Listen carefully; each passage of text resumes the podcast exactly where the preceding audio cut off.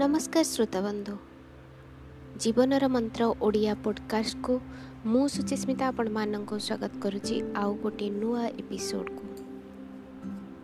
ଶ୍ରୋତାବନ୍ଧୁ ଆମେ ସମସ୍ତେ ଗୋଟିଏ ସଫଳ ଜୀବନ ବଞ୍ଚିବା ପାଇଁ ଜନ୍ମ ହୋଇଛେ କିନ୍ତୁ ଆମର ଅଭ୍ୟାସ ଏବଂ ପରିବେଶ ଆମକୁ ଅସଫଳ କରିଦିଏ।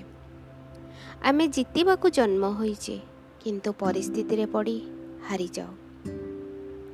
ଆମେ ଅନେକ ସମୟରେ ସେ ଭାରି ଭାଗ୍ୟବାନ। ସେ ମାଟି ଧରିରେ ସୁନା ହେଉଛି ବା ସେ ହିନି କପାଳିଟା। ସେ ପରା ସୁନା ଧଇଲେ ମାଟି ହେଉଛି। ଏଇଭଳି କଥାମାନ ଲୋକେ କହିବାର ଶୁଣିଛନ୍ତି ଆମେ। କିନ୍ତୁ ଏହା ସତ ନୁହେଁ।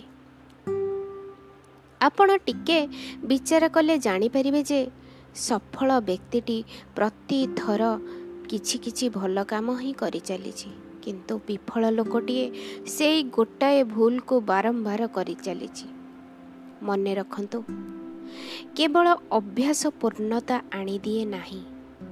ପୂର୍ଣ୍ଣ ଅଭ୍ୟାସ ହିଁ ପୂର୍ଣ୍ଣତା ଆଣିଦିଏ। ଯାହା ଆପଣ ବାରମ୍ବାର ଅଭ୍ୟାସ କରନ୍ତି ତାହା ସ୍ଥାୟୀ ହୋଇଯାଏ। କେତେ ଲୋକ ତାଙ୍କର ଭୁଲ ଗୁଡ଼ାକୁ ବାରମ୍ବାର ଅଭ୍ୟାସରେ କରି ସେଇଥିରେ ହିଁ ନିପୁଣ ବା ପାରଦର୍ଶୀ ହୋଇଯାଆନ୍ତି।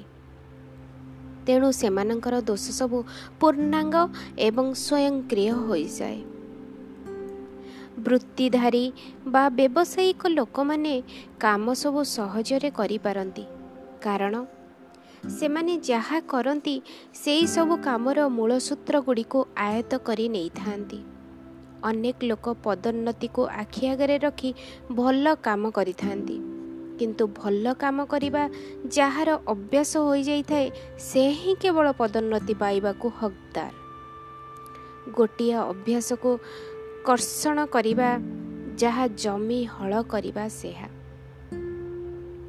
ଏଥିପାଇଁ ସମୟ ଲାଗିବ ନିଶ୍ଚୟ। ଏହା ବ୍ୟକ୍ତିର ଅନ୍ତରରୁ ବିକଶିତ ହୋଇଥାଏ। ଗୋଟାଏ ଅଭ୍ୟାସ ଆଉ ଗୋଟିଏ ଅଭ୍ୟାସକୁ ସୃଷ୍ଟି କରେ।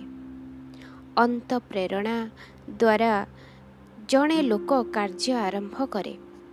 ପ୍ରେରଣା ତାକୁ ଠିକ୍ ବାଟରେ ଚଲାଏ ଏବଂ ଅଭ୍ୟାସ ବଳରେ କାମ ସବୁ ଆପେ ଆପେ କରାହୋଇ ଚାଲେ। ବିପଦକୁ ସାହସର ସହିତ ମୁକାବିଲା କରିବାର କ୍ଷମତା ଯାର ଥାଏ ସେ ହିଁ ସକଳ ପ୍ରଲୋଭନ ମଧ୍ୟରେ ସଂଯମ ଆଚରଣ କରିପାରେ। ଦୁଃଖ ଭିତରେ ଖୁସି ହୁଅନ୍ତୁ।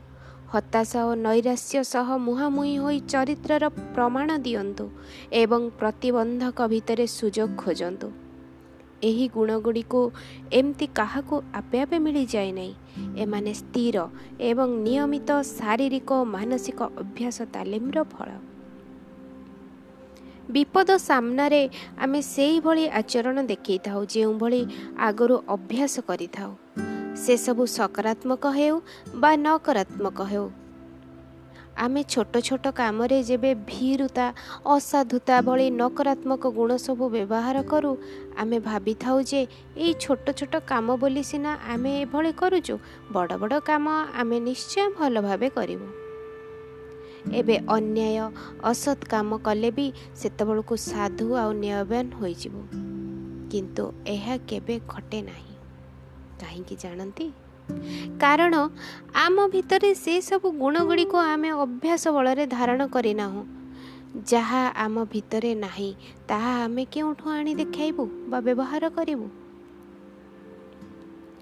ଆମେ ଯଦି ଥରେ ଗୋଟିଏ ମିଛ କହିବାକୁ କୁଣ୍ଠାବୋଧ ନ କରୁ ଦ୍ୱିତୀୟ ଥର ଆଉ ତୃତୀୟ ଥର ବି ମିଛ କହିବା ସହଜ ହୋଇଯାଏ। ଆଉ ଏହା ଅଭ୍ୟାସରେ ପଡ଼ିଯାଏ।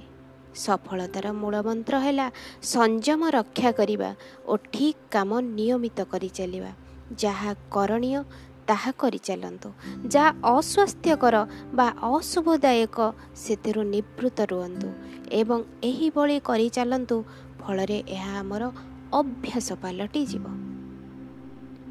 ମଣିଷମାନେ ବେଶୀ ବିଚାରଶୀଳ ନୁହନ୍ତି ବେଶୀ ଭାବପ୍ରବଣ।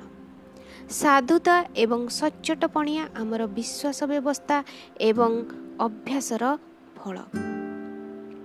ଆମେ ଯାହା ନିୟମିତ ଦୀର୍ଘ ସମୟ ଧରି ଅଭ୍ୟାସ କରିଚାଲୁ ତାହା ଆମ ବ୍ୟବସ୍ଥା ଭିତରେ ଦାନା ବାନ୍ଧିଦିଏ ଏବଂ ଅଭ୍ୟାସରେ ପରିଣତ ହୁଏ। ଯେଉଁ ଲୋକଟି ଜୀବନର ଅଧିକାଂଶ ସମୟରେ ସଚ୍ଚଟ ହୋଇ ରହିଥାଏ ସେ ଥରେ ବି ମିଛ କହିଲେ ଧରାପଡ଼େ।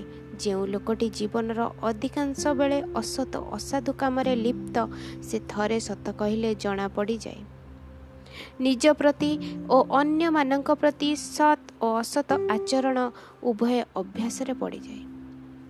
ଆମର ଚିନ୍ତାର ବଳୟଟି ମଧ୍ୟ ଅଭ୍ୟାସଗତ ହୋଇଥାଏ। ଆମେ ଅଭ୍ୟାସ ଗଠନ କରୁ ଏବଂ ଅଭ୍ୟାସ ଚରିତ୍ର ଗଠନ କରିଥାଏ। ଆପଣ ଅଭ୍ୟାସରେ ପଡ଼ିଗଲେ ବୋଲି ଭାବିବା ଆଗରୁ ଅଭ୍ୟାସ ଆପଣଙ୍କୁ କବଳିତ କରିଦେଇଥାଏ। ଆମେ ସତ୍ ଚିନ୍ତା କରିବାର ଅଭ୍ୟାସ ଗଠନ କରିବା ଜରୁରୀ। କିଏ ଜଣେ କହିଥିଲେ ଆମର ଚିନ୍ତାରୁ କାର୍ଯ୍ୟ କାର୍ଯ୍ୟରୁ ଅଭ୍ୟାସ ଏବଂ ଅଭ୍ୟାସରୁ ବ୍ୟକ୍ତି ଚରିତ୍ର ଜନ୍ମ ନିଏ। ବ୍ୟକ୍ତି ଚରିତ୍ର ହିଁ ଭାଗ୍ୟ ନିର୍ଣ୍ଣୟ କରିଥାଏ। ତେଣୁ ଶ୍ରୋତାବନ୍ଧୁ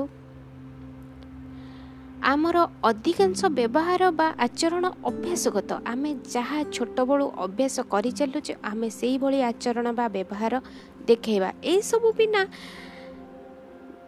ବିନା ବିଚାରରେ ଆପେ ଆପେ ଆସିଥାଏ ଏସବୁ। ଆମେ ଛୋଟବେଳୁ ଯାହା କିଛି ଶିଖିଥାନ୍ତି ସେଇଟା ଆମେ ଅନ୍ୟକୁ ଦେଖେଇଥାନ୍ତି। ଚରିତ୍ର ହିଁ ଆମର ଅଭ୍ୟାସ ସବୁର ସମାହାର।